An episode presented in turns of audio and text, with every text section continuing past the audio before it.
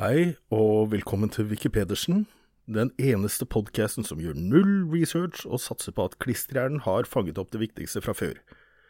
Her er det ingen garanti for at alt er 100% korrekt, men med litt arroganse og ikke et snev av selvironi er det sikkert 99% korrekt. Garantert bannebein. Mitt navn er Halvor, og det er min hjerne som har like mye klister som fars gamle treski. Første spørsmål i dag kommer fra Lars på Jeløya utenfor Moss. Hvor kommer navnet trampoline fra? Så vidt jeg husker er det litt usikkert, men navnet dukker vel opp i Frankrike på slutten av 1800-tallet. Ikke egentlig om apparattrampoline, men navnet på en tropp med akrobater som nettopp hadde trampoline som en av sine spesialiteter. Disse var muligens fra Italia, og jeg mener de kalte seg Trampolinbrødrene, eller eh, Le Frère eh, Trampoline, om du vil. Det er også et eponym, her vi har en gjenstand som har fått navn etter en person eller familie.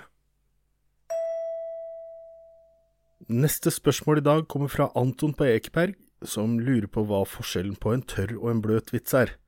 Ikke alltid lett å skille på disse, men jeg vil påstå at de aller fleste pappavitser er bløte, og resten er tørre. Skal vi begynne med at bløt i denne sammenhengen nok ikke betyr fuktig, men myk?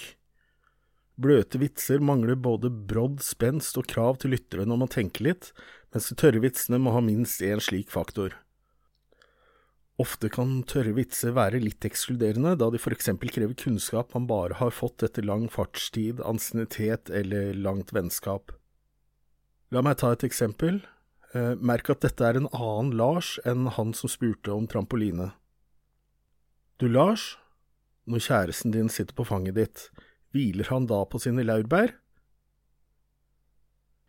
Her må man kjenne Lars litt og vite at han syns sånt er gøy.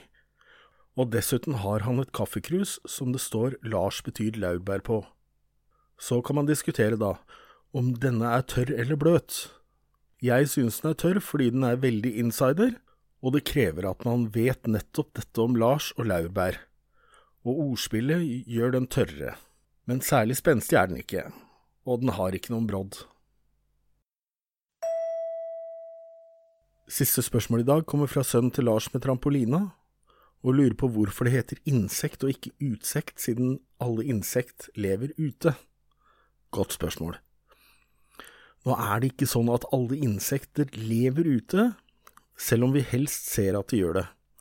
Jeg mener om vi for eksempel får fluer hjemme, er det jo ganske irriterende og de lever gjerne mesteparten av livet inne. Og tar vi med andre småkryp også, så er det ganske mange dyr som lever i husene våre. Vi har til og med en ganske stor edderkopp som er glad i å bo i husene våre, eh, og den heter faktisk norsk husedderkopp. Og visste du at hvis du har mange gamle bøker, er sjansen stor for at du har en og annen bokskorpion? Den er skikkelig kul. Bitte liten og helt ufarlig for oss, men lever av støvmidd og annet som momser på bøker. Kjekk å ha. Mitt favorittsmåkryp etter bier, men før blomsterfruer, er hoppeederkopp. Bitte små og kjempesøte, og ofte ganske nysgjerrige, så de kommer på besøk og henger litt med deg. Men hva betyr navnet insekt? Inn i insekt betyr faktisk inn, men ikke som inne eller ute. Insekt kommer fra latin, som betyr innskåret eller delt opp i stykker eller segmenter. Alle insekter har kropper som er delt opp i segment, som er som et utvendig skjelett laget av det samme som negler er laget av, bare tynnere og sprøere og med kulere farger. Det var spørsmålene for i dag, takk som spør. Jeg oppfordrer alle lyttere til å sende inn både nye spørsmål og kommentarer, og jeg kan nås på wikipedersen at aol.com. Det var wikipedersen at aol.com. Farvel!